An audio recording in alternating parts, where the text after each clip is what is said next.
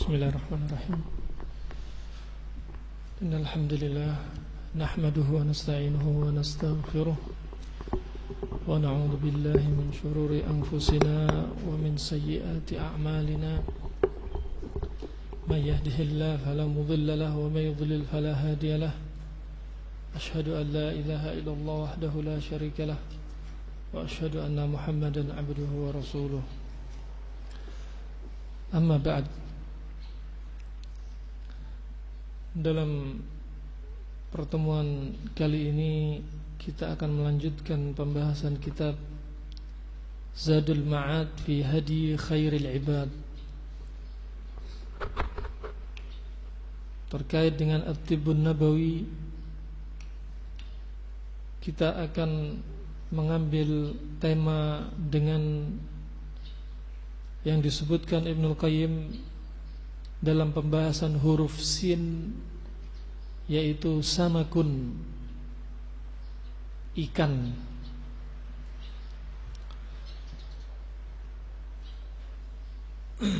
Dan sudah kita sampaikan sebelumnya bahwasanya tibun nabawi tidak harus dari tumbuh-tumbuhan.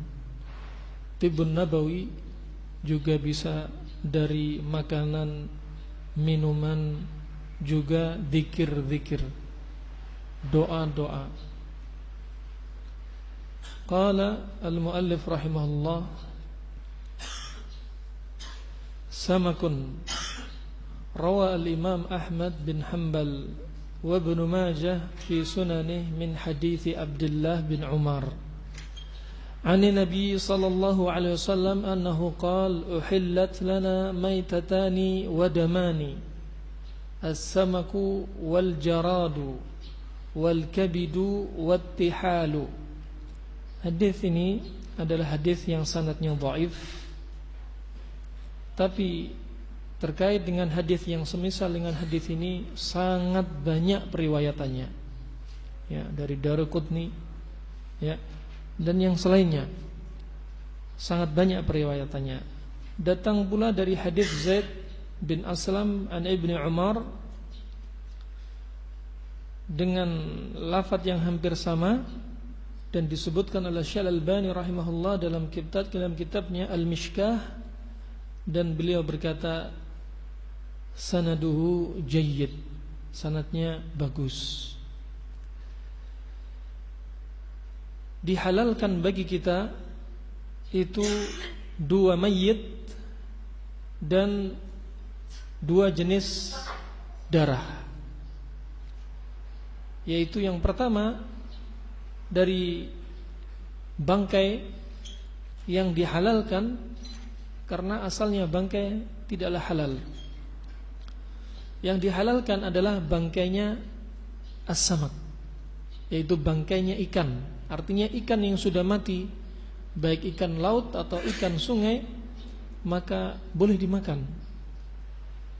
Begitu pula al-jarad ya, al-jarad ya, al-jarad.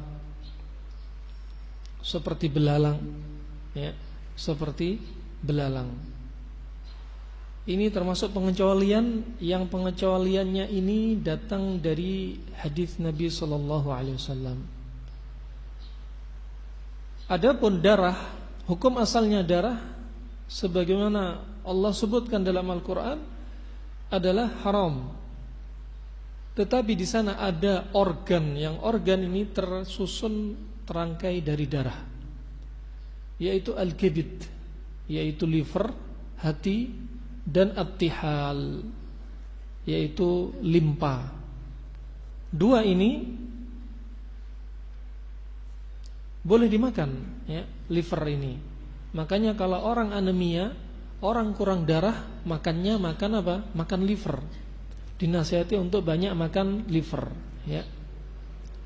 Nah, tapi tanbih liver zaman sekarang ini banyak didapati di dalam liver sapi atau liver hewan-hewan itu cacing-cacing. Oleh karena itu diperiksa dahulu. Sebelum dimasak diperiksa dahulu. Nah, samak disebutkan lafat samak lafat ikan ini di dalam Al-Quran dalam tiga ayat. Pertama dalam surat Al-Kahfi, qala ara'aita id awayna ila sakhrati ila sahrati fa, fa inni nasitul huta. Ya. Huta, hut di sini adalah samak. Ya. Samak. Kemudian dalam surat As-Saffat faltaqamahu al-hutu wa huwa. Ya. Disebutkan dalam tempat yang lain pula fasbir li hukmi rabbika wa la takun ka sahibil huti idnada wa huwa makdum surat al-qalam dan Allah Subhanahu wa taala juga menyebutkan tentang ikan ini bahwa ikan itu ada yang hidupnya di air segar, air tawar dan ada yang di air malihah, air laut. Sebagaimana firman Allah Subhanahu wa taala, "Wa ma yastawil bahrani hadza 'adbun furatun sa'ighun" ya. Wa hadza milhun ujaj. Ya, sa'ighun syarabuhu Wahada milhun ujaj. Di sini sebutkan berarti ada ma adab yaitu air tawar yang segar dan ma milh air laut. Ya. Dan terkadang di dalam Al-Qur'an juga disebutkan tanpa menyebut lafaz al-hud atau dengan samak? Sebagaimana firman-Nya wa huwallazi sakharal bahra litakulu minhu lahman tariya. Dan dia Allah ya yang menciptakan yang menjalankan al-bahr lautan untuk kalian makan darinya dari yang hewan-hewan yang ada di lautan. Nah, di sana ada anjing laut. Walaupun namanya anjing Bentuknya pun hampir seperti anjing Tetapi halal dimakan. Ya. Dan yang lainnya pula Singa laut. Walaupun namanya singa Tapi hakikatnya dia Apa? Yang hidup di laut. Dihalalkan.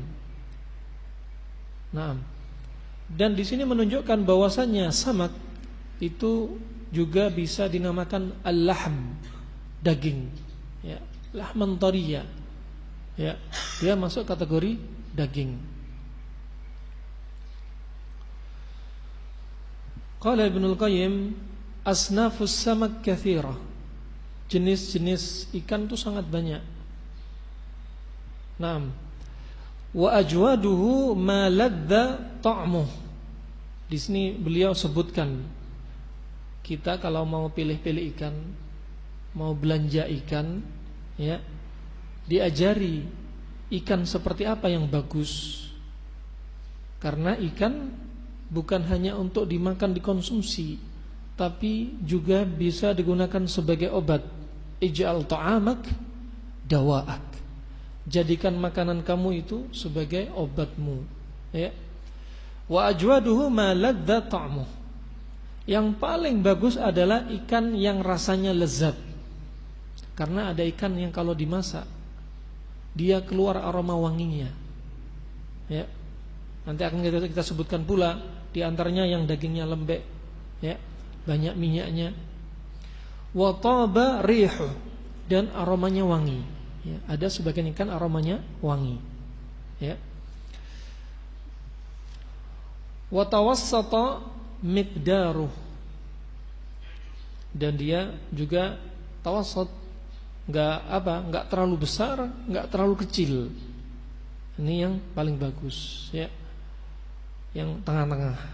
Ikan semakin tua semakin besar rasanya tidak enak.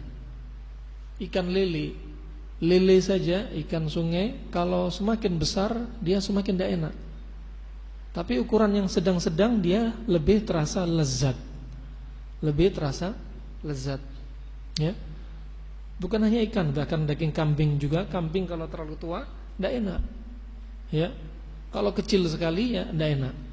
Ya, wakana raqiqal kisher. Cari juga ikan yang kulitnya itu tipis. Jangan yang kulitnya tebal, baik kulitnya kulit tebal termasuk yang bersisik ataupun tidak bersisik.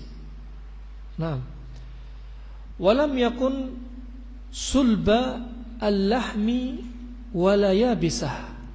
Jangan pula cari ikan yang dagingnya itu keras dan yang kering. Wa kana fi ma'in adbin jarin alal hasba dan cari ikan yang dia itu ikan Ma'in adbin ikan tawar Ikan di air tawar Yang apa? Yang airnya itu mengalir Alal hasba Hasba itu uh, mengalir Ngalirnya dari daerah batu-batuan Alias dari gunung Kemudian dari pasir-pasiran. Ini kata beliau sangat bagus. Karena apa? Unsur makanannya Dari makanan dari ikan tersebut.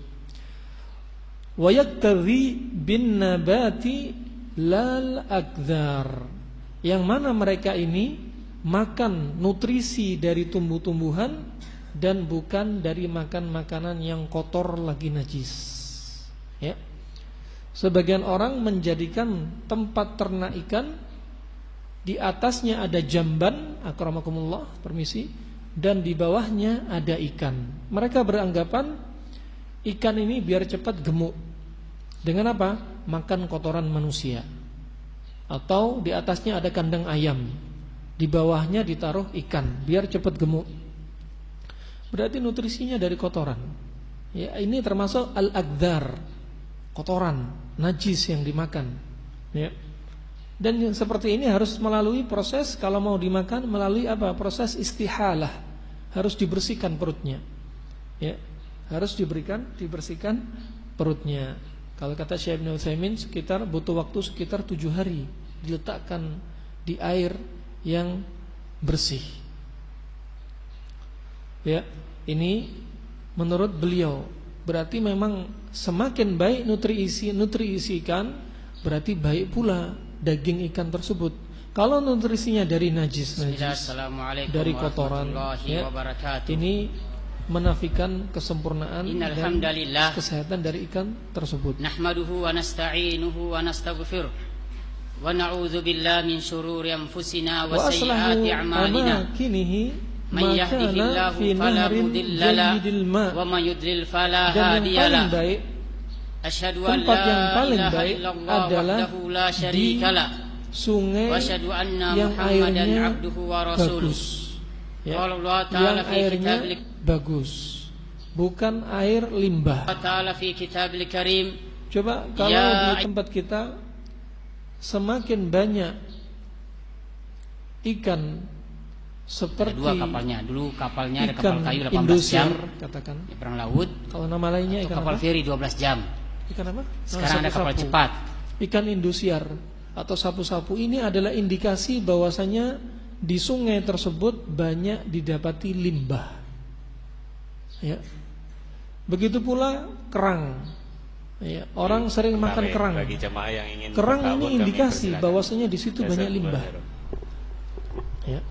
Ya. Malah kadang yang hal seperti ini malah dikonsumsi. Malah dikonsumsi. Ya. Gak heran kalau sebagian manusia teracuni oleh sebagian jenis ikan. Kenapa? Karena makannya makan limbah. yang beliau Makannya, bina di makan limbah. bagi jemaah yang ingin bertahun Seperti ikan Indosiar atau sapu-sapu sekarang ngetren kulitnya sisiknya dibuang dan dimasak rasanya sangat enak sekali memang.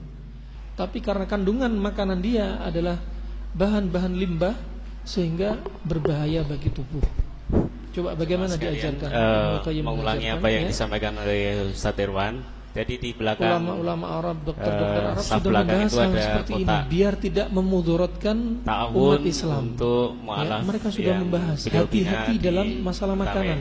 Baik makanan yang haram Hati-hati dari makanan yang haram yaitu bahaya maknawi ataupun bahaya apa? hissi dari bahaya penyakit-penyakit tubuh yang ditimbulkan karena ikan. Wa kana ya'wi ilal amakin as-sakhr as-sakhriyah. Dan ikan-ikan yang mereka itu tinggal di tempat-tempat as-sakhriyah. As-sakhriyah ya dia adalah tempat-tempat yang banyak batu-batuan. Karena batu-batuan juga bagus, unsurnya bagus. Ya. Unsur dari batu-batuan ini juga bagus dan dia juga menjaga kebersihan sungai. Ya. Ya, dia tersusun dari batu-batuan yang besar dan keras, ya.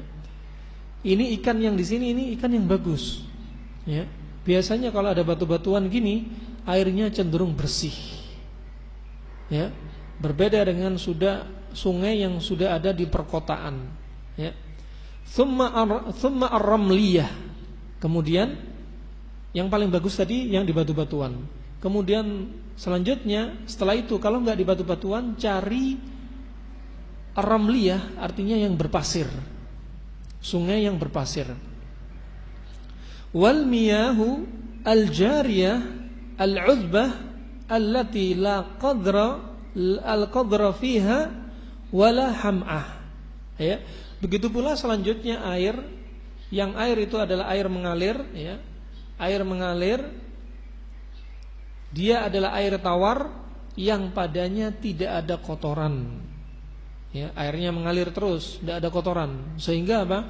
Terus ganti terus air. Bukan air yang tergenang, air diam, ya. Bukan air air yang diam, ya. Tapi dia air yang mengalir. Maka ini ikannya lebih bersih daripada air yang diam. Ya, daripada ikan yang tinggal di air yang diam. Wala ham'ah. Ham'ah dia adalah uh, tanah, ya. Dia ini misalkan kolam. Kolam ini ada padanya tanah dan kolam itu tidak mengalir. Ya, dan semakin lama dia semakin berwarna hitam. Ya. Lama-lama dia keluar aroma, baunya. Kenapa? Ikannya buang kotoran di situ, kemudian kita kasih makanan, makanannya juga jatuh ke situ, apalagi makanan konsentrat zaman sekarang, kalau dia ngendep di bawah, dia bisa menimbulkan hawa panas di bawah air. Sehingga kadang membuat penyakit pada ikan, bahkan bisa membunuh ikan. Ya. Ya alhamdulillah kalau masih tanah, tanah masih diproses di tanah. Yang jadi masalah kalau kolam. Kadang didapati kolam ikan yang dilapisi dengan semen, dinding, dikasih konsentrat, ya. Kok tiba-tiba ikannya mati semua? Ternyata konsentrat ini ngendap di bawah dan menjadi hawa panas. Ya, membuat penyakit pada ikan, kulit ikan kadang bercak-bercak dan dia tiba-tiba mati. Ya. Tetapi kalau tanah masih mending. Tapi lebih mending lagi kalau kolam ini terus mengalir airnya, terus berganti, ya, sehingga kotoran ikan ya tidak dimakan lagi oleh ikan. Begitu pula konsentrat yang sudah mengendap akhirnya terbuang, mengalir. Nah, dan mutagabbir, mutagabbir ya warnanya coklat, ya, karena bercampur dengan tanah, bercampur dengan debu. Bahkan mengeluarkan aroma aroma yang tidak enak dari air tersebut ya. Ini apa tidak dianjurkan seperti ini ya. Al kathiratu al ittirabi wat tamawuj wal makshufa lisyamsi war riyah sudah airnya tidak ngalir ya atau airnya uh, pada air tersebut tercampur dengan tanah plus ya terombang-ambing atau sering bergoncang air tersebut ya sehingga unsur tanahnya karena banyaknya gerakan akan semakin banyak dan warna air juga semakin coklat bahkan berwarna hitam ya. Al-maksyufah lisyamsi warriyah kemudian langsung kena matahari dan kena angin. Nah Kemudian kata Ibnu Qayyim wasamak al-bahri fadil. ikan laut itu punya keutamaan. Ikan laut punya keutamaan. Mahmudun, dagingnya dia bagus. Ya. Latifun dan daging dia lembut. Wattari minhu baridun rotbun. Ingat, ini yang kita bahas sekarang. Sifat dari daging ikan. Sifat daging ikan laut, ya, apa? At-tari minhu baridun radbun. Kalau dagingnya daging ikan laut ini masih tori, tori itu segar, ya. Dagingnya dia bersifat, coba perhatikan, baridun radbun. Sifatnya dingin. Subhanallah. Ya. Berarti kalau dari teori Ibnul Qayyim ini yang dibahas Ibnul Qayyim berarti sifatnya ikan adalah dingin lembab dingin lembab ya. Kalau kambing sifatnya panas onta sifatnya panas ayam sifatnya panas sapi yang masih muda sifatnya panas. Tapi kalau sapi sudah agak berumur sifatnya dingin. Ini dibahas Ibnu Qayyim subhanallah. Dari sini kita simpulkan bahwasanya teori panas dingin itu tidak bisa disamakan 100% dengan teori asam basa pada zaman sekarang. Ada teori asam basa. Asam basa sama termasuk teori yang berpasang-pasangan. Ada asam, ada basa, ada panas, ada dingin. Tetapi bukan berarti kita tolak teori asam basa. Karena pada hakikatnya teori asam basa juga bermanfaat sebagai obat, bukan hanya menjaga penyakit bahkan mengobati penyakit. Bahkan penyakit kanker pun itu bisa diobati dengan asam basa. Bahkan orang mandul tidak punya anak saja juga bisa diobati dengan teori asam basa. Sangit sakit mah yang sudah kronik bisa dengan asam basa. Keputihan penyakit kulit panu juga bisa dengan teori asam basa. Subhanallah. Dari yang ringan hingga beratnya penyakit dengan izin Allah juga bisa disembuhkan dengan teori asam dan basa. Sekarang kita kalau teorinya Ibnu Qayyim yang disebutkan dalam kitab ini ikan termasuk dingin lembab. Kalau dalam teori asam basa ikan termasuk asam. Semua protein hewani sifatnya asam. Tetapi kalau teori Ibnu Qayyim tidak semua protein hewani itu sifatnya panas. Ada protein hewani yang sifatnya dingin. Nah, asira al-inhidham yang dia ini lumayan sulit untuk dicerna ya. Yuwallidu balghaman kathira. Dia akan menyebabkan menimbulkan banyaknya cairan balgham seperti dahak. Ini kalau orang makan ikan sering apa menghasilkan dahak. Illal bahriya wa ma jara majra. Ya. Kecuali ikan lautan ini ya ikan lautan ini lebih mending ya lebih mending. Ya kalau berarti ikan sungai adb banyak menimbulkan balgham ya. Tapi ikan lautan ini karena dia tinggal di daerah yang asin maka dia bagus untuk apa? E, menarik al-balgham untuk menyerap al-balgham dikumpulkan kemudian dikeluarkan. Fa innahu yuwallidu khaltan mahmudan karena dia ini akan uh, menimbulkan apa? campuran mixture yang bagus. Wa huwa yukhsibu al-badan yang dia ini bagus untuk proses tumbuh kembang baik sel, otot, otak ya tumbuh kembang seseorang. Ya. Wa yazidu fil mani. Dan dia menambah air mani atau sperma. Ya. Tapi ini apa tadi kita sebutkan? Ikan atori ikan segar. Catatan ya ikan segar. Adapun ikan zaman kita sekarang apalagi ikannya di Jakarta eh, kata sebagian ustadz ikannya sudah mati tujuh kali. Ya, habis dari laut tambah lagi dikasih pengawet pindah kirim lagi ke kota ini, tambah lagi pengawet, kasih garam, kasih es, tambah lagi kirim kota ini belum sampai sampai Jakarta, sampai mati tujuh kali katanya. Ini apa? Sifatnya sudah berubah. Sifatnya sudah berubah. Ya. Wa yuslihu al-amzijah al-harah. Maka karena sifatnya ikan yang segar itu dingin dan lembab, dia cocok untuk memperbaiki orang yang ada padanya atau makanan juga yang sifatnya panas. Yang sifatnya panas.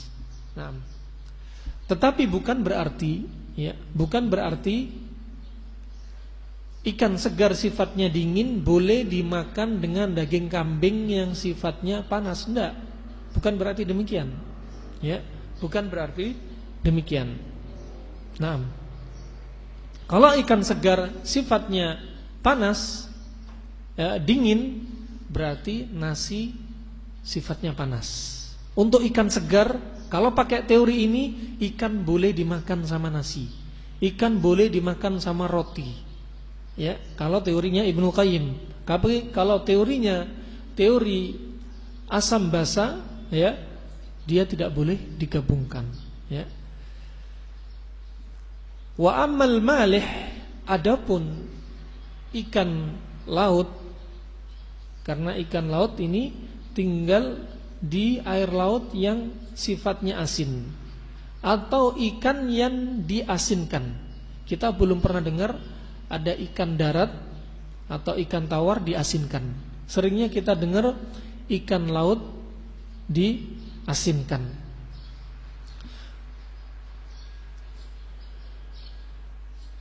Fa'ajwaduhu makana qaribal ahdi bitamalluh. Ikan yang paling bagus ya, untuk ikan yang asin atau yang diasinkan adalah ikan yang ketika diasinkan dia tidak lama dari waktu mengasinkan ini tidaklah terlalu jauh untuk mengkonsumsinya. Memang di antara Eh, pengawet alami adalah gula dan garam. Pengasinan adalah untuk membuat ikan itu awet.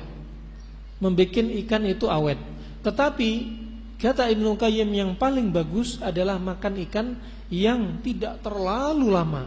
Walaupun ikan itu diasinkan untuk lebih awet. Ya. Dan ikan asin ini sifatnya sudah harun ya bisun sifatnya dia panas dan kering. Sifatnya dia panas dan kering. Ya. Sifatnya dia panas dan kering. Maka sudah berubah. Sama pula seperti susu. Susu sapi segar itu sifatnya dingin. Ya. Tapi kalau sudah berubah menjadi susu instan, sifatnya panas. Kalau teori asam basa, susu sapi yang segar dia bersifat basa. Oleh karena itu susu sapi segar ya, dia sifatnya basa, maka cocok untuk orang yang sakit mah. Sakit asam lambung itu bagus. Tapi kalau susunya sudah susu instan powder ya, dia sudah berubah menjadi asam. Maka tidak heran kalau orang habis sakit mah minum susu kalengan, susu instan dia tambah sakit mah. Kenapa? Karena mah itu asam dan susu yang instan tadi juga bersifat asam. Tambah sakit mah. Nah, maka sifatnya ikan yang sudah diasinkan adalah harun ya bisun. Harun ya bisun. Panas kering. Wa kullama tuqadim ahduhu izdada harruhu wa yubsuhu. Jika semakin lama ya masanya ikan asin ini maka sifat panasnya dan keringnya akan semakin bertambah. Nah, Berikutnya Ibnu Qayyim menyebutkan salah satu jenis ikan. Wasilur atau silwar. Minhu kathirun al-luzujah. Ya, ini adalah salah satu jenis ikan yang ikan ini bisa tinggal di lautan dan bisa tinggal di air tawar. Ya. Ibnu Qayyim sebutkan padahal Ibnu Qayyim tinggal di Arab, ya. Tapi beliau ternyata masih juga meneliti, mengamati ada ikan yang tinggal di laut dan tinggal di daratan. Ini Ibnu Qayyim sibuk mencatat ilmu agama tapi masih sempat-sempatnya melihat mengamati jenis ikan. Subhanallah. Ya. Ikan ini ikan yang tinggal di lautan juga dia masuk ke daratan. Disebutkan ikan ini panjangnya dari ikan yang hanya panjang satu jengkal dia bisa besar sampai panjangnya 3 meter. Ya. Ternyata ikan ini kalau dalam bahasa Inggris namanya catfish, ikan kucing. Ya. Punya kumis bentuknya seperti lele, panjang. Ini Ibnu Qayyim sebutkan. Ikan ini itu punya al-luzujah, termasuk ikan yang tinggal di lautan dan ikan tinggal di air tawar termasuk ikan salmon. Ikan salmon. Ikan salmon ini kalau mau beranak atau kalau mau bertelur nih, dia ini apa? Uh, larinya ke sungai, sungai yang mengalir deras, sungai yang mengalir deras. Dan dia banyak mengandung omega 3. Oleh karena itu ikan salmon sangat mahal. Per kilonya bisa ratusan ribu, ya. Karena manfaatnya yang banyak. Mengandung omega 3 bagus untuk orang kena stroke, bagus untuk uh, memperbaiki uh, saraf bagus untuk memberikan nutrisi otak, bagus untuk memperbaiki liver yang sudah rusak, bagus untuk daya konsentrasi, ya. Bagus untuk kecerdasan, perkembangan anak. Ini omega 3, ya. Dia kathirul luzujah. Dia banyak mengandung apa? Luzujah. Banyak mengandung seperti luzuj, seperti minyak. Oleh karena itu orang yang banyak makan ikan yang seperti ini, ya, biasanya kalau tidak kuat langsung diare karena banyak kandungan minyaknya. Ya, di antaranya mengandung omega 3, ya. Mengandung omega 3. Nah, dan ini dicari di pasaran oleh pabrik-pabrik herbal, ya. Wa yusamma al-jirri. Wal yahud la ta'kuluh. Orang-orang Yahudi tidak mau makan ikan yang seperti ini. Tidak mau ikan, makan ikan seperti ini. Subhanallah. Ini sudah disebutkan Ibnu Qayyim zaman dahulu tentang ikan-ikan yang mengandung omega 3 manfaatnya sudah disebutkan. Ya. Wa idza ukila tariya dan jika dimakan dalam keadaan segar kana mulayyinan lil batn. Dia sangat bagus sekali untuk apa? Kasus-kasus konstipasi. Kasus-kasus orang yang sulit berak yang kalau berak ya selalu keras. Ini bagus makan ikan ini. Berarti ikan ini juga sebagai obat, ya. Juga sebagai obat, ya. Wa idza mulliha wa ataqa wa ukilah dan jika dia digaramkan atau diasinkan dan dimakan, ya. Sofa qasbatur riah. Maka dia bisa untuk membersihkan saluran pernapasan dan paru-paru. Subhanallah, ya. Ikan ternyata juga bisa untuk mengobati kasus paru-paru, penyakit paru-paru. Orang yang kena bronkitis berarti cocok makan ikan-ikan jenis ini. Ikan yang banyak mengandung luzujah. Ya. Naam. Wa jawwadas saut dan juga untuk membersihkan suara. Cocok untuk orang-orang yang sering menghafal Al-Qur'an. Untuk orang-orang yang qari ya. Juga cocok makan yang seperti ini. Wa idza duqqa wa wudi'a min kharijin dan jika dia ditumbuk ya. Ditumbuk kemudian diletakkan di luar. Kena matahari, kena angin ya. Ikan ini ditumbuk ini subhanallah. Kemudian setelah ditumbuk di taruh di luar.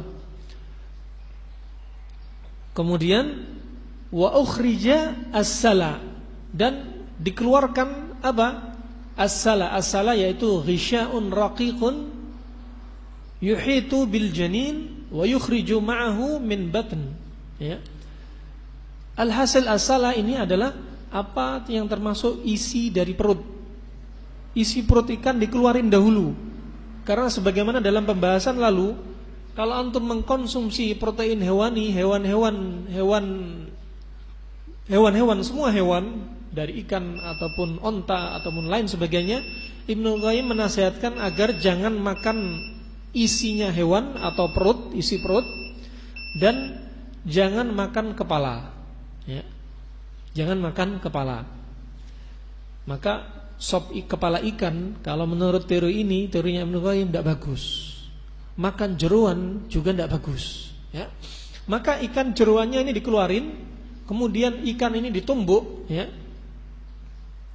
Maka dia ini punya manfaat manfaatnya sangat bagus untuk kesehatan tubuh kita yaitu kesehatan dalam tubuh kita. Artinya apa? Organ dalam tubuh seperti jantung liver ginjal dan lain sebagainya. Dan kata beliau ini akan apa? Annalahu quwwatan jadibatan dengan cara ini dia ini menghasilkan kekuatan menghasilkan kekuatan yang bagus untuk tubuh. Ya. Wa ma'u milhil jirri al-malih idza jalasa fihi man kanat bihi kurha ya al-am'a fil ibtida'il illah wafiquhu bijadbihi al-mawad ila zahiril badan wa idha tuqina bihi abra'a min irkin nasa. Subhanallah.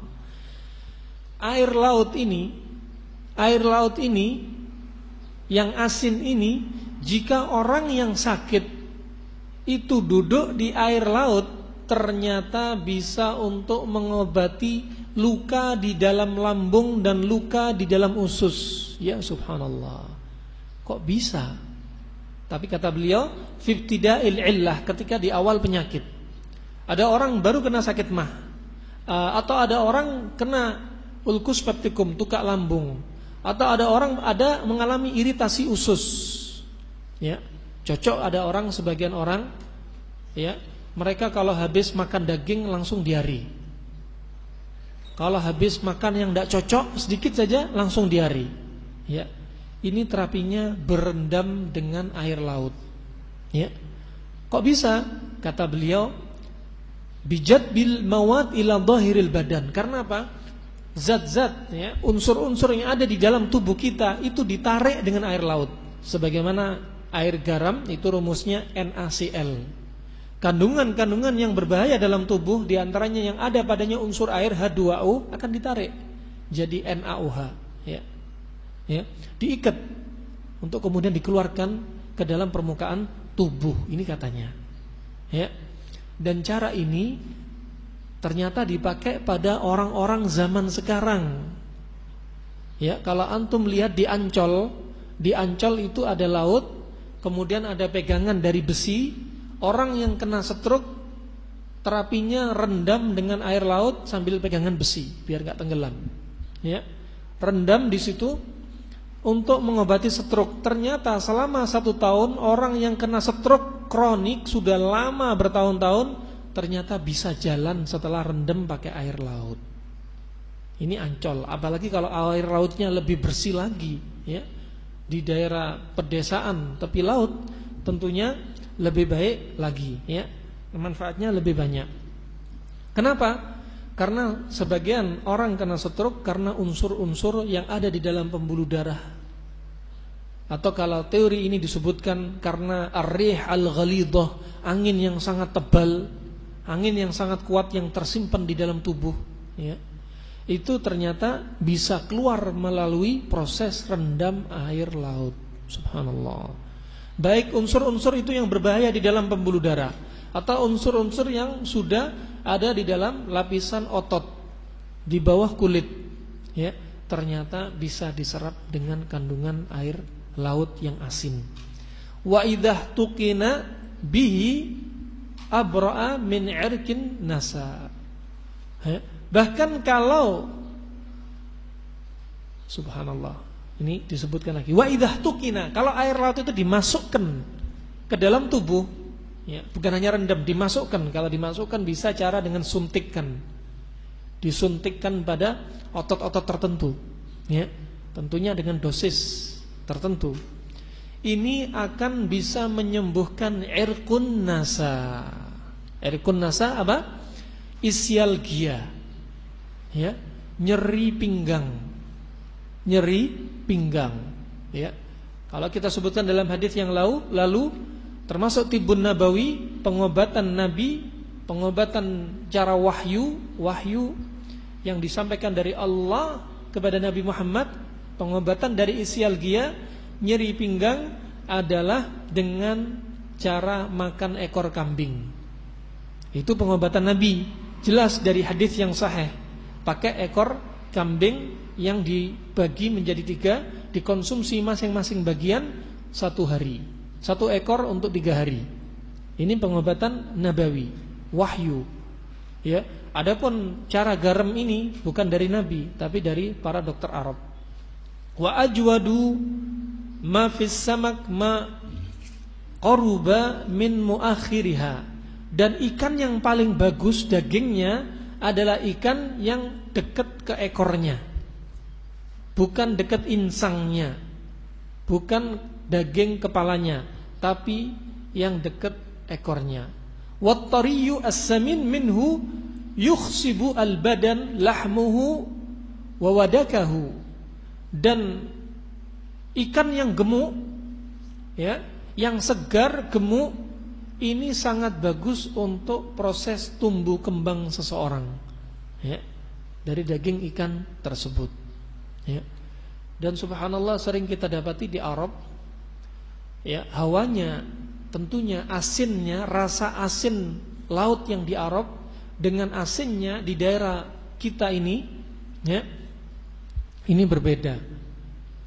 Bahkan ikannya juga berbeda rasanya juga berbeda. Ikan-ikan terkenal ikan tuna terenak dan termahal di dunia adalah ikan dari Hadramut ikan tuna terenak. Bahkan ikan ikan yang uh, Ikan hiunya pun yang kita dapati di Arab ganasnya tidak seganas ikan yang ada di sini. Mungkin karena hawa panasnya yang sangat tinggi 40 sampai 50 derajat sehingga membuat air laut itu lebih asin ya. Dan ternyata ikan-ikan ini subhanallah kita dapati ya di tempat kita di Hadramaut 200 meter sudah kita dapati laut. Dan kisahnya bukan hanya satu dua kisah. Banyak kisah teman-teman kita yang meninggal karena ikan hiu ganasnya. Dagingnya tunanya ikan tunanya ya mereka kalau mancing pakai senar ya besarnya seperti lidi atau lebih besar dari lidi bisa untuk mancing ikan tuna seberat seberat 100 kilo 80 sampai 100 kilo dan tunanya rasanya sangat enak. Antum mungkin bisa bedakan rasanya ikan tuna yang ada di Arab, di Hadramaut khususnya dengan ikan tuna yang di Indonesia. Ikan tuna di Indonesia rasanya agak tawar, tapi ikan tuna di Hadramaut betul-betul punya kelezatan, cita rasa. Bukan hanya madunya saja yang enak, ikannya juga sangat enak. Ya, kita sering dapati teman-teman kisah dari teman-teman, ya, mereka ini ah, mendapati banyak saudara-saudara yang dimakan oleh ikan hiu. Lil ujab, sangat ajib sekali ikan hiu di sana. Sangat ganas. Ya. Di antaranya mereka sebutkan ikan hiu ini kalau sudah sangat lapar melihat para nelayan, ikan hiu ini dari jauh sudah masuk ke dalam lautan. Dipikir hilang, ternyata dari bawah langsung nyundul perahu dari fiber biar jebol, biar orangnya tenggelam, kemudian dimakan satu-satu. Sampai kayak gitu ganasnya ya.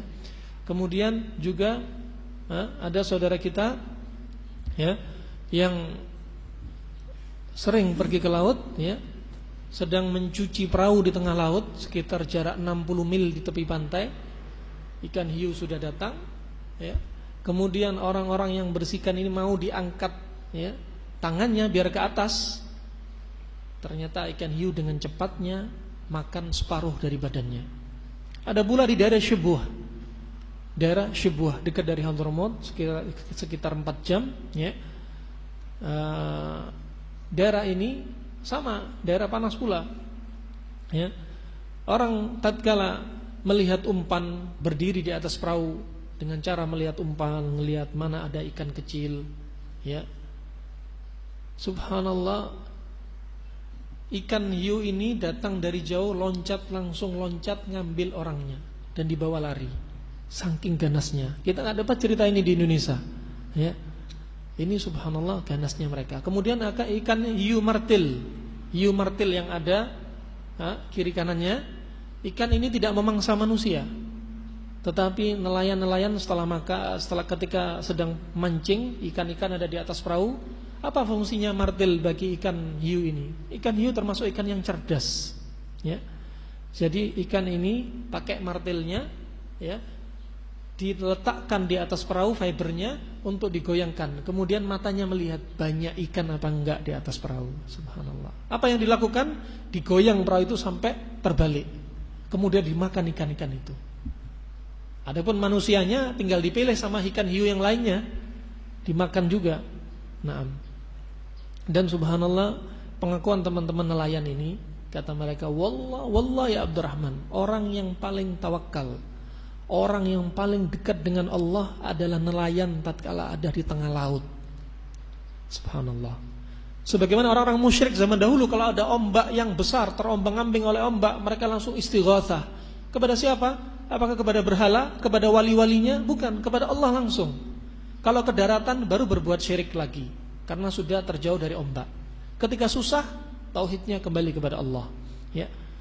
Nelayan juga demikian. Kalau di tengah laut, subhanallah. Ini cerita di antara cerita teman kita sekitar jam 8 malam. Ya, bintang-bintang tidak terlalu terlihat ketika itu dan jauh mereka dari apa? Dari perumahan. Jam 8 malam di tengah laut, antum bayangkan, nggak ada cahaya. Mereka hanya pakai GPS. Arah panah telepon rumahnya di mana, itu aja. Naik perahu terus, ya. Ini satu perahu bersaudara. Naik perahu Tiba-tiba perahunya tidak jalan. Setelah di center, ternyata perahu mereka ada di atas punggung ikan paus yang besar. Ya. Ini sedikit lagi sudah numplek ke samping. Kalau sudah numplek, yang makan tinggal ikan hiu. Ya. Sudah mereka istighosa nangis-nangis ya Arab. Hah? Selamatkan kami ya Arab, selamatkan kami ya Arab. Nangis-nangis satu bersaudara ini ya di atas perahu. Akhirnya paus ini turun dan jalan lagi. Ini orang yang paling takut dan tawakal dan kembali kepada Allah adalah orang-orang nelayan katanya ya. Nah, walhasil ini sedikit ya tentang faidah dari ikan dan insya Allah kita lanjutkan dalam materi tibun nabawi yang lainnya insya Allah walafu minkum alal italah alafu minkum karena waktu melebihi sedikit ya. Semoga memberi manfaat materi yang sedikit ini kepada Islam dan muslimin. Wabillahi taufik wal hidayah. Subhanakallahumma wa bihamdik. Asyhadu an la ilaha illa anta astaghfiruka wa atubu ilaik. Wassalamu warahmatullahi wabarakatuh